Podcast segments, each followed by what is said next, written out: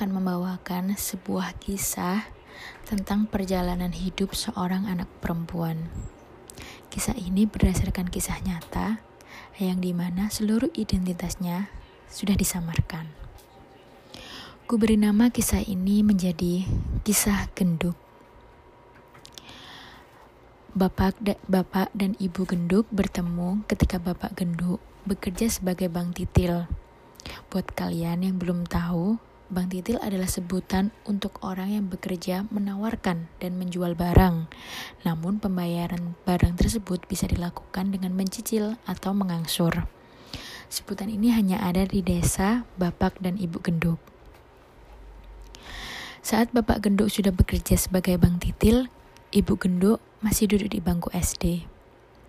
Setiap Bapak Genduk bertugas menagih pembayaran ke desa Ibu Genduk, mereka berdua selalu bertengkar dengan saling mengejek.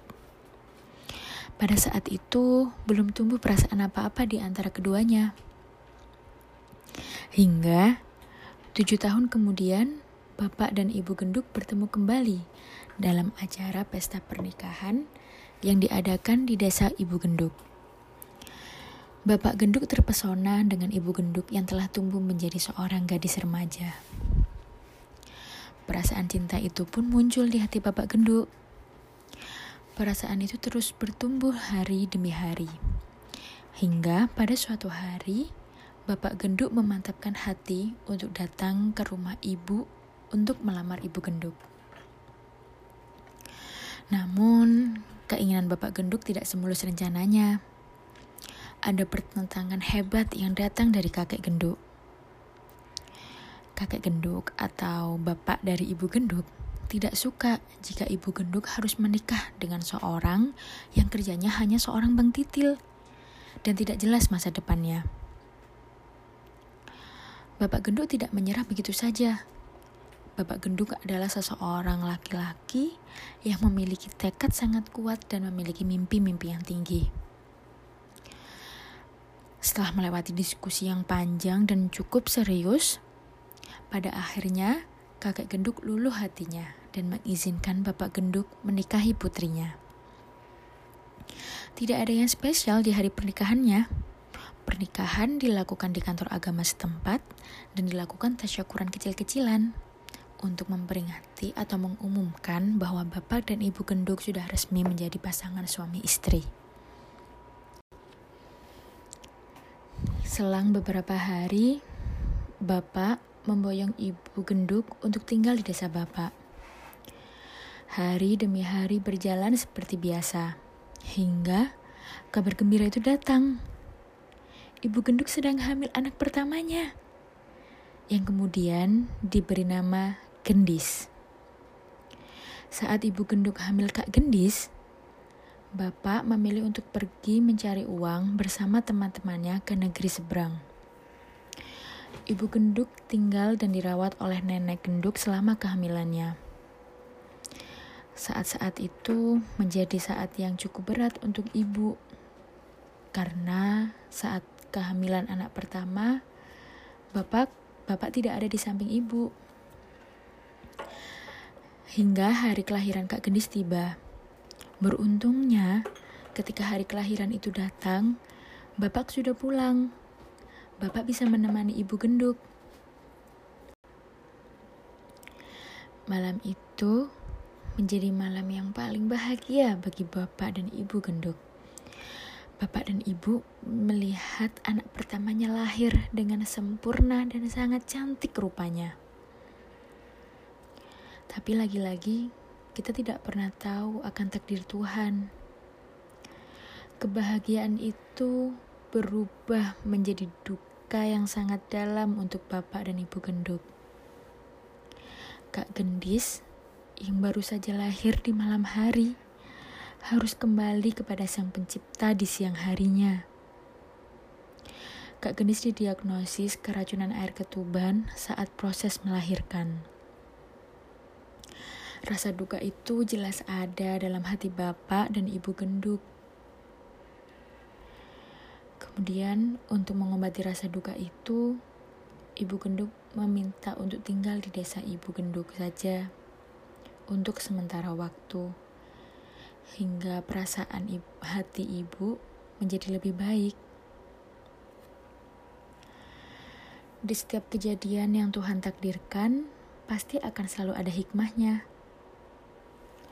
Bapak Genduk merasa bersalah kepada ibu karena telah meninggalkan ibu bekerja di tempat yang jauh dalam waktu yang cukup lama dan di saat-saat ibu sedang hamil Kak Gendis.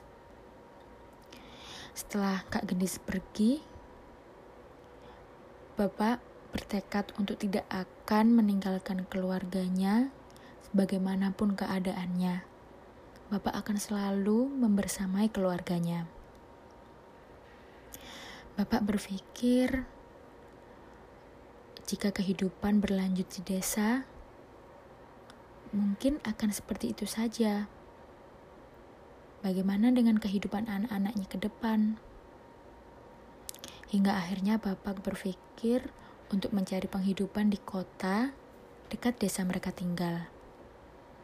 Ibu setuju dengan ide itu, di mana hati ibu masih belum 100% membaik, Mungkin itu menjadi salah satu jalan untuk mengobati rasa duka yang ada di hati ibu. Setelah mencari informasi ke sana kemari dan meminta izin dari kedua belah pihak keluarga, dari keluarga bapak dan keluarga ibu, bapak dan ibu membulatkan tekad untuk berpindah ke kota. Pada tahun itu, kota belum segemerlap dan seramai saat ini kota masih ya hampir sama seperti desa. Hanya saja di sana kehidupan dan pilihan pekerjaan lebih banyak daripada di desa.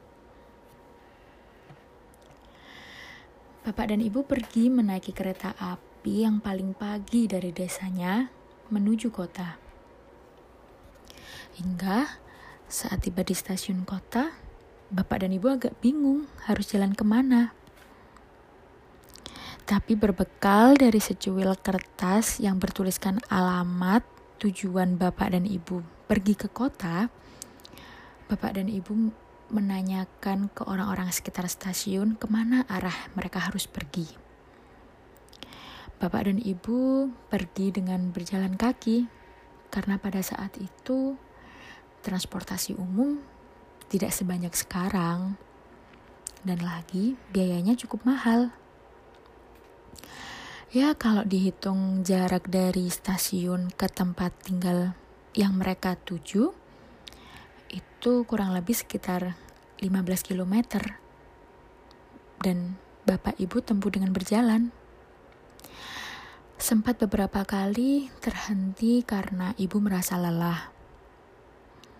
Namun bapak tetap sabar dan selalu menyemangati ibu untuk melanjutkan perjalanan. Satu yang menjadi prinsip dan keyakinan bapak, selama kita mau bergerak dan berusaha, Tuhan pasti akan merubah nasib kita. Bapak hanya ingin mencari kehidupan yang lebih baik untuk anak-anaknya kelak.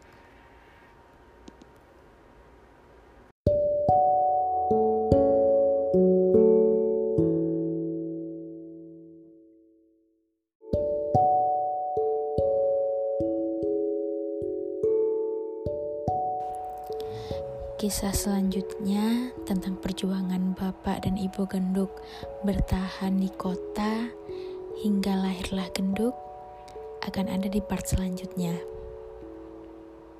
Jika kalian ada saran dan kritik, silahkan tinggalkan pesan. Ditunggu ya part selanjutnya.